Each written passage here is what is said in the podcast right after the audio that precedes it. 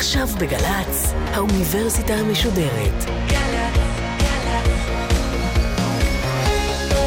מה שקורה עכשיו.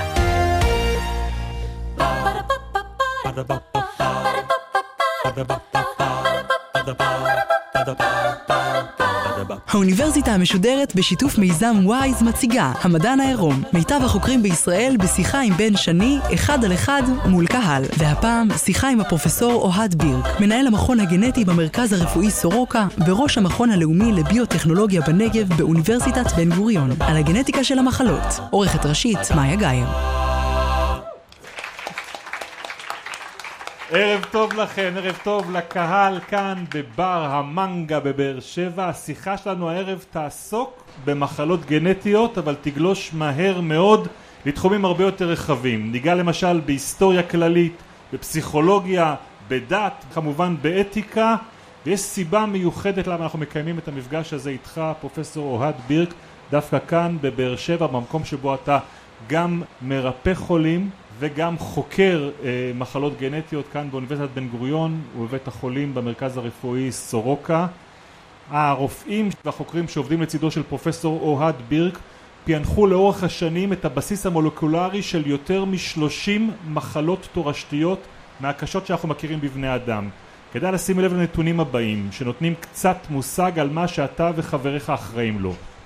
בזכותכם ניתן היום לאתר בבדיקה גנטית פשוטה מי עתיד לחלות בשמונה מחלות קשות של מערכת העצבים למשל. אחת מהן הבנתי קרויה על שמך, נכון? כשמזדקנים זה קורה. איך היא נקראת? בירק ברל סינדרום. בירק, מחלת בירק, שלמה היא גורמת למעשה? פיגור שכלי עם אה, נכות קשה. יש גם מחלות עור שאתה יודע לזהות היום עוד לפני שהעובר נולד, מחלות עיניים, מחלות של מערכת העיכול, אבל מעל המחלות האלה יש נתון שקראתי עליכם וכשקראתי אותו חשבתי על כך שאין הרבה אנשים בעולם שיכולים להתהדר בו. הבדיקות הגנטיות שפותחו כתוצאה מהמחקר כאן בנגב הביאו לירידה של כ-30% בתמותת תינוקות במגזר הבדואי, זה נתון מדהים. אבל עדיין סיפרת לי בשיחה מוקדמת בינינו שלא עובר שבוע במרפאה שלך שאתה לא פוגש מחלה גנטית חדשה. כן, האוכלוסייה כאן מאוד ייחודית ומלאת הפתעות מדי שבוע. כשאנחנו מדברים, הרי היום אנחנו רוצים לקשור את הכל בגנים, מבאמת מחלות קשות כמו שתיארת ועד השמנה והפרעות קשב ודברים אחרים, מה באמת בתחום של המחלות שאנחנו מכירים, מה מהן נובע מגנטיקה פגומה ומה מהשפעות סביבתיות ואחרות? אה, החיים הם מורכבים, אנחנו מורכבים מדברים גנטיים ודברים סביבתיים ויש את כל המגוון מדברים שקיצונית הם מאוד גנטיים ועד דברים שהם כמעט רק סביבתיים כמו שנדבקנו בווירוס או בחיידק אה, ויש כל מה שבדרך. יש מחלות שאנחנו מכירים כמו ציסטיק פיברוזיס או, או מחלות של פיגור קשה שנולדים איתם ולא משנה כמה הסביבה תהיה מופלאה ונהדרת אנחנו נהיה מאוד חולים. יש מחלות כמו HIV שאנחנו נדבק, נדבקים בהם. או לא נדבק, תלוי אם ניזהר או לא, והן אה, לחלוטין כמעט סביבתיות, אבל גם הן לא לגמרי סביבתיות, וכאן כאן יש מגוון שמעניין להסתכל עליו. למשל, ניקח מחלה גנטית לגמרי, שהיא גנטית טהורה, ציסטיק פיברוזיס, שני אחים, בדיוק אותה מוטציה, אותה מחלה, אחד חולה מאוד קשה, ואחד, המחלה מתפתחת אצלו בגיל יותר מאוחר, יותר קלה. מבחינת המוטציה, יש להם בדיוק אותה מוטציה למחלה, המבנה הגנטי שלהם קצת שונה, אבל אפילו אצל תאומים זהים אנחנו רואים לפעמים מהלך שונה של מחלה גנטית, למרות שההרכב הגנטי שלהם הוא זהה, בגלל שיש השפעה של הסביבה. והצד השני, והוא צד שפחות מודעים לו, למשל, יש אנשים שיכולים לשכב עם כל העולם, חולי איידס, כמה שהם רוצים, ולא יידבקו אף פעם. לא ידבקו באיידס, חסינים? לא יידבקו, בגלל שיש להם מוטציה בקולטן שדרכו הווירוס הזה חודר אה, לתאי אדם. אז, אז רגע, זו מחלה גנטית? לא, זו מחלה סביבתית, אוקיי? האם יש אפילו עליה, אפילו מחלות סביבתיות מוחלטות, כן, אה, מישהו, שני אנשים נדבקים בווירוס, באותו וירוס, אחד יחלה חלש, אחד חזק, אוקיי? כלומר, ה- יש השפעה גנטית גם על מחלות שהן לכאורה אה, סביבתיות. ויש, ויש את התחום הגדול מאוד שבאמצע, דברים כמו אסתמה, כמו השמנה, ש, שאנחנו רואים... השמנה זה גנטיקה? אה, השמנה זה שילוב של גנטיקה ושל סביבה. כלומר, יש אנשים שיכולים לאכול אה, כמה שהם רוצים ויישארו רזים, יש אנשים שיאכלו קצת ויהיו שמנים, ויש זאת את כל אומרת, המגוון. האגדה האורבנית הזאת, יש לי חילוף חומרים טוב, היא נכונה. היא נכונה, ויחד עם זה, גם מישהו עם חילוף חומרים אה, מצוין, או אם יגזים, אז הוא יגזים. אז, אז יש את כל המגוון עם הקיצוניות לכאן, קיצוניות לשם, ו- וכל מה שבאמצע. אבל אמרת עד עכשיו מונח שאני מכיר, מניח שרוב uh, הקהל, אולי המאזינים שלנו מכירים אותו, לא בדיוק יודעים להגדיר אותו. אמרת מוטציה, זאת אומרת שמישהו חולה במחלה שהיא גנטית, זאת אומרת שבהכרח משהו פגום שם, נכון? כן, למצוא את המוטציה זה הרבה פעמים דבר מאוד מורכב. תגדיר קודם כל מה זה מוטציה. אוקיי, אז ב- בחומר הגנטי שלנו יש שלושה מיליארד, שלושת אלפים מיליון, כן? אבני בניין. מוטציה, שינוי באחד מ-20 אלף הגנים שהשלושה מיליארד האלה יוצרים, כלומר בואו בוא נסתכל על זה כעל שלושה מיליארד אותיות שבונות 20 אלף מילים ומספיק שינוי באות אחת בתוך אחת מ-20 אלף המילים בשביל ליצור אה, מחלה גנטית, לפעמים מאוד קשה. 20 אלף זה מספר סופי? ההנחה כיום היא שיש 20 אלף גנים, תלוי איך סופרים אותם, אבל כן. וכולם דרך... מוכרים? כולם מוכרים, פרויקט הגנום מסתיים, אז, אז מה, במה הוא הסתיים? הוא הסתיים בזה שיודעים את רצף האותיות ב-20 אלף המילים. כלומר, יודעים את, את כל האותיות שיש בגנום. מה עושים 20 אלף הגנים האלה? חלק מהם אנחנו יודעים, חלק עוד לא. קרוב לחצי יודעים כבר טוב, ובעוד הרבה יודעים חלקית. אבל יש, אנחנו עדיין בימינו נתקלים במחלות שאנחנו מוצאים מוטציה בגן שהיא גורמת למחלה, ועל הגן הזה לא יודעים עד היום כלום. כלומר, לא, לא, לא יודעים מה הוא עושה, מה תפקידו, ורק עכשיו מתחילים לברר. אז פרויקט הגנום היה להגדיר את הצד האחד של המילון, את רשימת המילים והאותיות שלהם. אבל הפירושים הם, הם משהו שעבודה סיזיפית של המון המון מעבדות בעולם, שמתעסקות כל אחת עם גן או שניים או שלושה ומבררת בדיוק מה הוא עושה, מה תפקידו, אה, וזה כבר עבודה הרבה יותר מורכבת. ואנחנו יודעים גם למה נוצרים שיבושים? יש אה, שיבושים מולדים, שאנחנו נולדים עם שיבוש. ויש שיבושים שנוצרים בגלל הסביבה. אתה, אתה נולדת עם בעיה מסוימת, או שאתה גר ליד רמת חובב. ו... דרך אגב, יש גם שילובים, למשל בנטייה לסרטן, נטייה מולדת. אנחנו נולדים הרבה פעמים עם עותק אחד, מכל גן אנחנו מקבלים שני עותקים, אחד מאבא, אחד מאימא. קורה שנולדים עם עותק אחד לא תקין, אוקיי? זה עוד לא עושה מחלה, אבל אם באחד ממיליארדי התאים בגוף שלנו חלה מוטציה בגלל משהו סביבתי, איזה חומר כימי, איזה משהו שנחשפנו לו, או סתם מקרי בחלוקת התא טעות, ויש מוטציה עכשיו בעותק השני, זה מה שיעשה את הסרטן, והתא האחד הזה יתחיל להתרבות והוא משתלט, אוקיי? זאת אומרת, זאת אומרת, אתה חי באזור מזוהם סביבתית, בדורות הבאים הגנטיקה שלך כבר משובשת ומשכפלת את עצמה. זה אחת מהסיבות אה, לפגמים שמורישים אחר כך. זה טיעון מעגלי. בואו נגיד ככה, אם אתה נולד עם נטייה מולדת לבעיה כמו סרטן, אז הסיכוי של הסביבה לגרום לך סרטן יותר גבוהה. מצד שני, אם היית בצ'רנוביל, אז הסביבה כאן גרמה לך לשינוי הזה. ואתה תוריש אותו הלאה?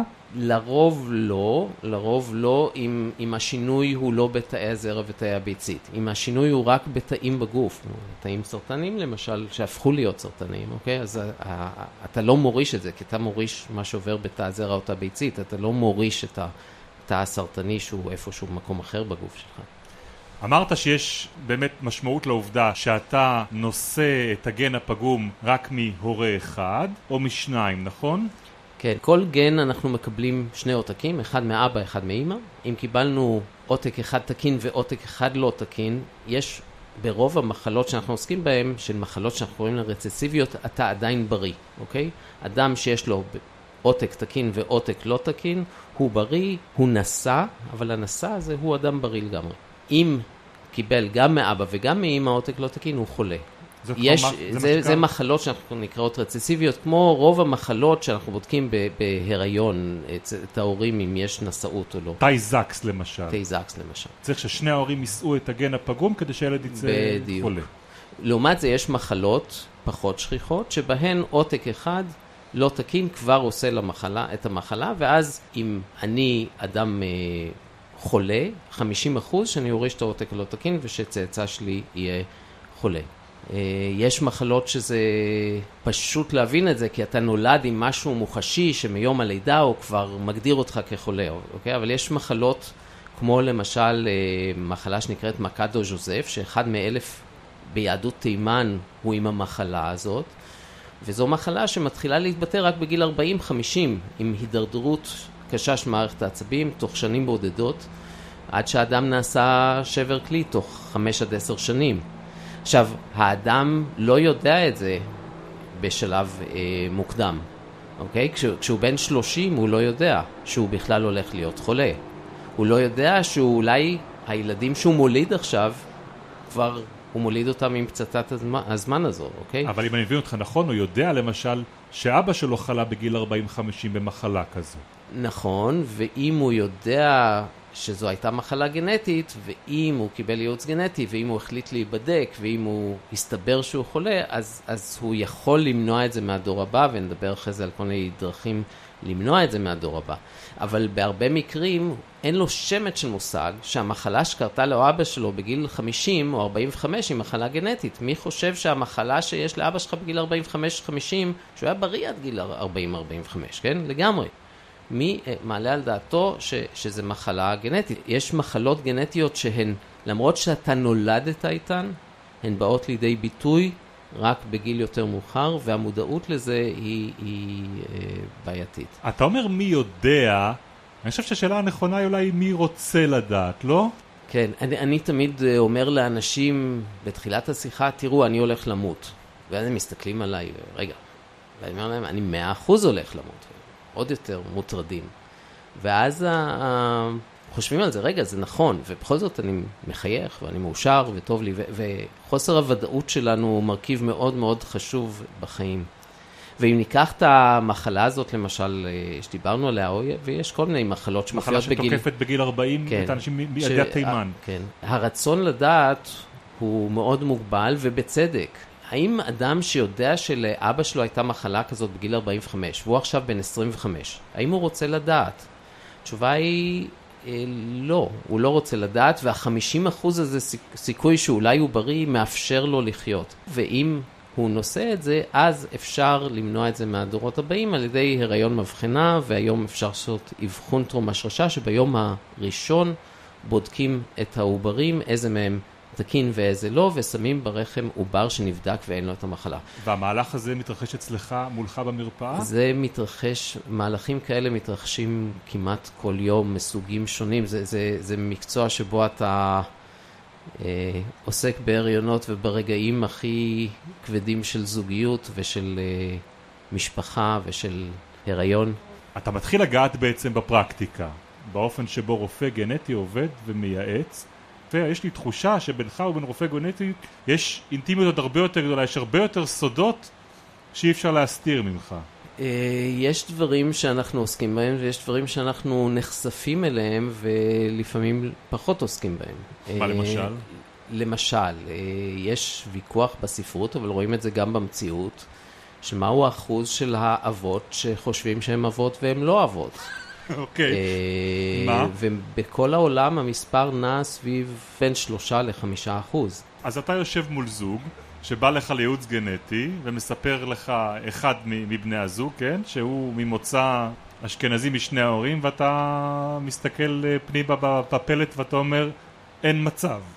תראו, יש, אנחנו נתקלים בדברים האלה, אנחנו מתעלמים מהם, מאוד מאוד חשוב שיהיה ברור שהדברים האלה לא מדווחים, הם לא נידונים, אפשר לגשת לבדיקות האלה בשקט נפשי מוחלט, שאנחנו לא עוסקים בזה ולא דנים בזה, והסודיות נשמרת לחלוטין, ואנחנו עוסקים רק בצדדים הרלוונטיים למחלות. זה באמת, אתה אומר, הצדדים שאתה לא, לא משתף בהם את אה, בני הזוג, אבל הם בדרך כלל מגיעים אליך ערב הריון או תוך כדי הריון, נכון? כן, זה, זה המצבים שבהם מגיעים. והדילמות? תלוי במגזר, תלוי בזוגיות, תלוי בהרבה דברים. במגזר החרדי למשל, זה יותר שאלות של, אה, שבהן אתה לא יכול אה, להיבדק מראש בזמן ההיריון, כי האופציה של הפסקת הריון לא קיימת. אה, במגזר הבדואי אה, זה הרבה פעמים שני האבות שבאים עם הבנים של אב אחד, שני אחים מופיעים עם הבנים של אחד, הבנות של השני, ולשדך את בני הדודים האלה. כל מגזר עם הניואנסים שלו והתרבות שלו, ואתה לאט לאט מגלה שיש יופי בכל תרבות, ואתה לומד אה, כמו זיקית באמפתיה מלאה להשתלב. והאמת זה נכון, כלומר ההסתכלות על, על עדות שונות או על גישות שונות, היא, היא, היא כל, לכל אחד יש את היופי שלו. ספר לי קצת, בלי להגיד, איך אומרים, לא חשוב מאיזה עדה, כן?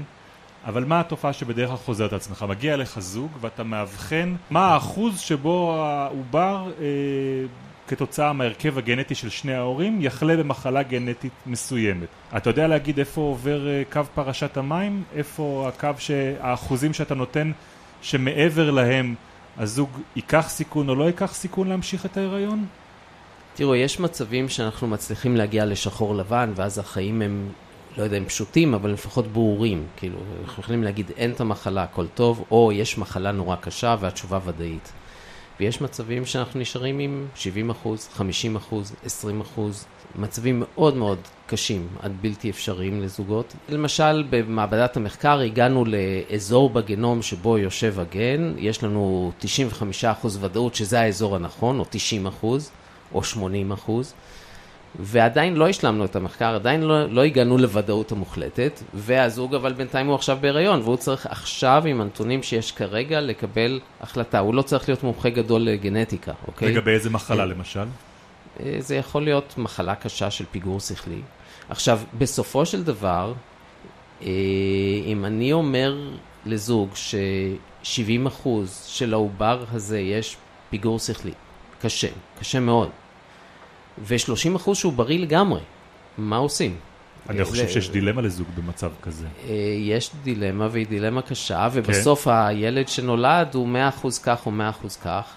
אני מניח שהמצב הקשה הוא המצב ההפוך, שאתה בא ואתה אומר יש 30 אחוז או 25 אחוז שהתינוק יהיה פגום, שהעובר הזה יצא פגום, נכון? ויש מצבים כאלו גם, ועדיין סטטיסטית בארץ שלנו יחסית לאירופה נגיד, אה, הנטייה להפסיק הריון היא יותר גבוהה. אתה אומר שאנחנו נוטים להפסיק הריונות יותר מאשר האירופאים? בואו נגיד ככה, ודאי שיותר מאמריקאים. אה, אירופה היא מאוד מגוונת, אז תלוי באיזה אזורים. אבל אנחנו באופן מובהק נבדקים הרבה יותר לפני ההיריון.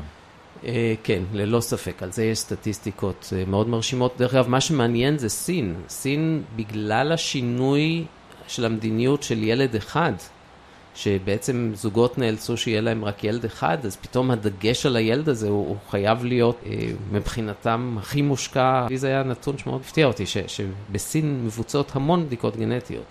בארצות הברית זה מאוד בולט, כן, שאחרי שבועות מסוימים יש אה, מדינות שבהן זה פשוט אסור על פי חוק. מה אומר החוק בארץ? החוק בארץ הוא מאוד אה, ליברלי, כמו ברוב הדברים, והוא בעצם מחלי, משאיר שיקול דעת מוחלט לזוג. הוא, הוא בעצם, אם יש מחלה קשה, כן? לא, לא על ברברי, אבל אם יש מחלה מאוד קשה, לשון החוק היא שמותר להפסיק הריון עד שהראש בחוץ. זה מילים נוראיות, כן? ולהזכיר לכם שדקה אחרי זה, אם אני אומר לכם שאימא הרגה את הילד שנולד לפני חמש דקות, זה הלא נורא ואיום. ורגע, האם זה שונה מאשר עשר דקות לפני זה שהוא היה ברחם?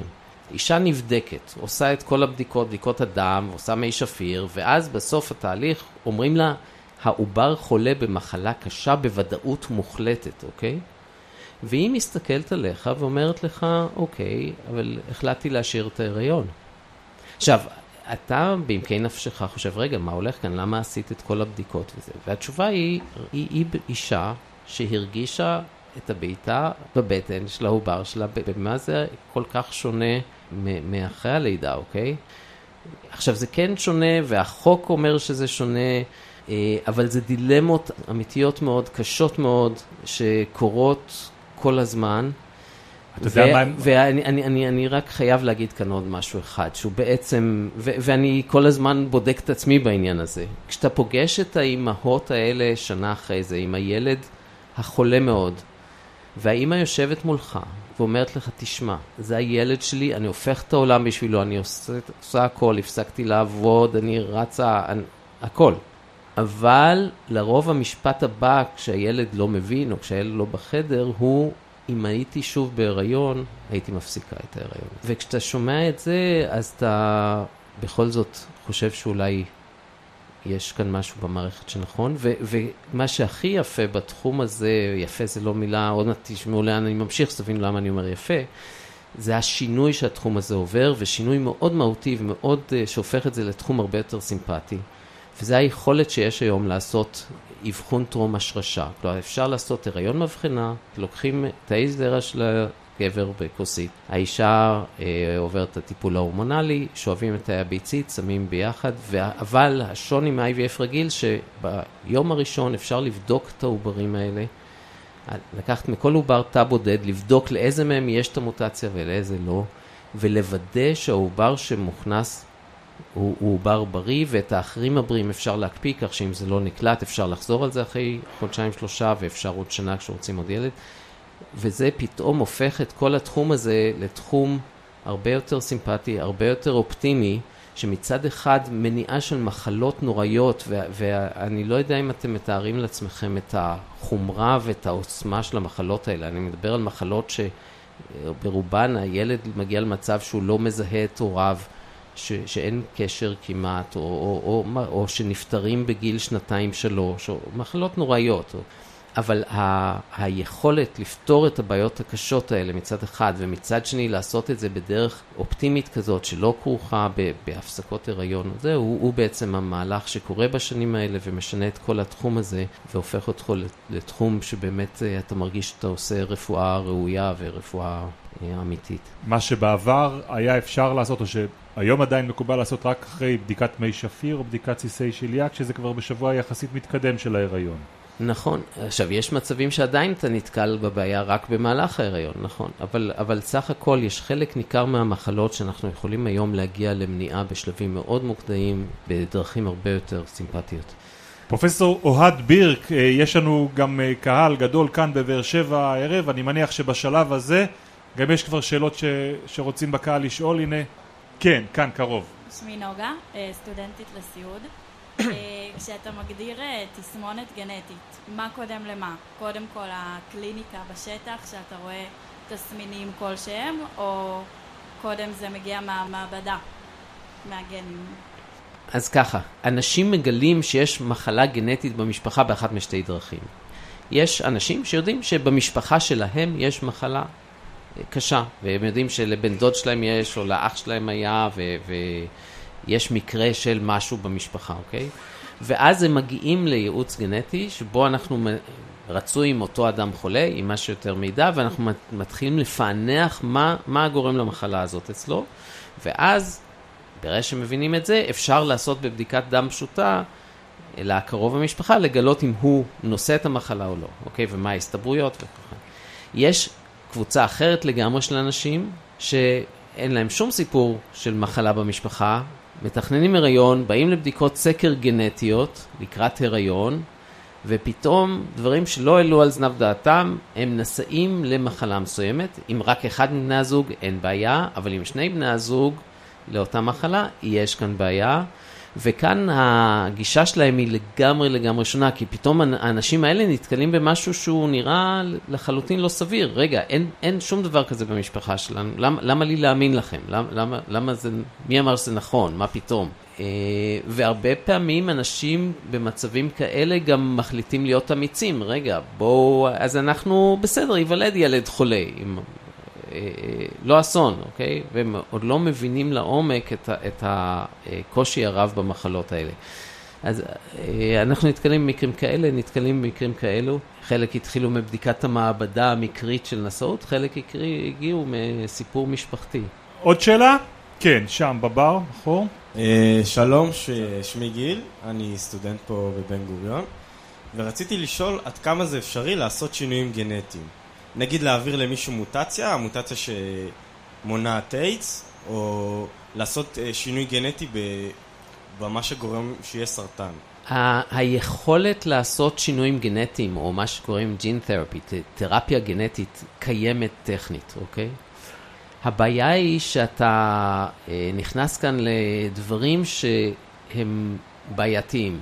אז אם מדובר למשל לשנות משהו בתא בגוף שהוא לא תא זרע או תא ביצית, זה דברים שאפשר לחשוב עליהם, ודברים שכבר מתחילים להיות מבוצעים. למשל, אה, יש לי בעיה בדרכי הנשימה, בגלל איזה גן פדגום בתאי דרכי הנשימה, בואו נחדיר לתאי דרכי הנשימה את הגן התקין, או אותו דבר לתאים אה, בשכבות חיצוניות של העין, או, או אוקיי, יש, יש מקומות מסוימים שבהם מתחילים היום אה, לעסוק בדברים האלה, למרות שאחרי 30 שנה שהתחום הזה מושקע בצורה מדהימה, ההצלחות בינתיים הן מאוד מאוד מוגבלות. יש תחום אחר שאליו לא מתקרבים ולא יתקרבו כל זמן שהעולם אה, שפוי או מנסה להיות שפוי, וזה תרפיה גנטית שעוברת בין דורות. כלומר, לשנות משהו בתא הזרע או תא הביצית בצורה כזאת שהוא עכשיו יורש לדורות הבאים עם התיקון, זה לא נעשה, וזה לא נעשה כי אתה יודע מה אתה חושב שאתה עושה, אבל אתה לא בטוח מה שאתה עושה. ואני אישית אה, למדתי את זה על בשרי בתחילת דרכי במדע, כשיצרתי עכברים שפגום בהם גן שמתבטא במוח, והיה ברור לחלוטין שהעכברים האלה ייוולדו עם פגם מוחי. ואחרי שלוש שנים של עבודה נולדה, נולדו העכברים האלה, העכברות האלה ליתר דיוק, ומוחן היה תקין, אבל כולן היו נקבות. ומסתבר שהגן הזה מתבטא גם בשחלות והאשכים בהתפתחות של העובר, ומסתבר שבלי הגן הזה אשכים לא מתפתחים, וכשאין אשכים לעובר הוא מתפתח כנקבה, ויצרתי בעצם זן של נקבות אה, בלבד. נקבות, שגם הזכרים נולדו כנקבות. עכשיו, כשאתה עושה את זה כניסוי בעכברים, זה מאוד מעניין וחושף לך מנגנונים שלמים של התפתחות העובר, וזה נורא מעניין. אבל אם אתה עושה אה, מה שאתה חושב שאתה עושה אתה מביא באדם, קץ לאנושות. זה תחום שלא נכנסים אליו. יש קונצנזוס בכל העולם.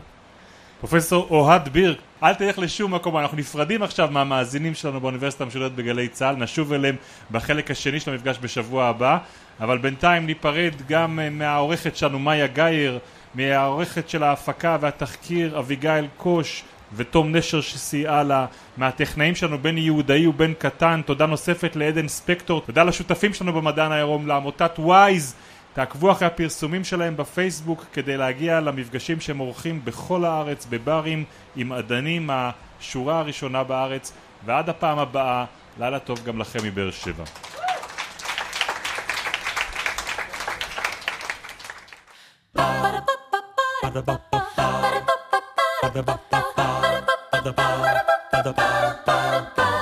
האוניברסיטה המשודרת, המדען העירום. בן שני שוחח עם הפרופסור אוהד בירק, מנהל המכון הגנטי במרכז הרפואי סורוקה וראש המכון הלאומי לביוטכנולוגיה בנגב באוניברסיטת בן גוריון, על הגנטיקה של המחלות. אורחות ומפיקות אביגיל קוש ותום נשר. מנהלת תוכן מאיה להט קרמן. עורך דיגיטלי נדב הלפרין. האוניברסיטה המשודרת בכל זמן שתרצו, באתר וביישומון של גל"צ וגם בדף הפייסבוק של האוניברסיטה המשודרת. Ba-da-ba.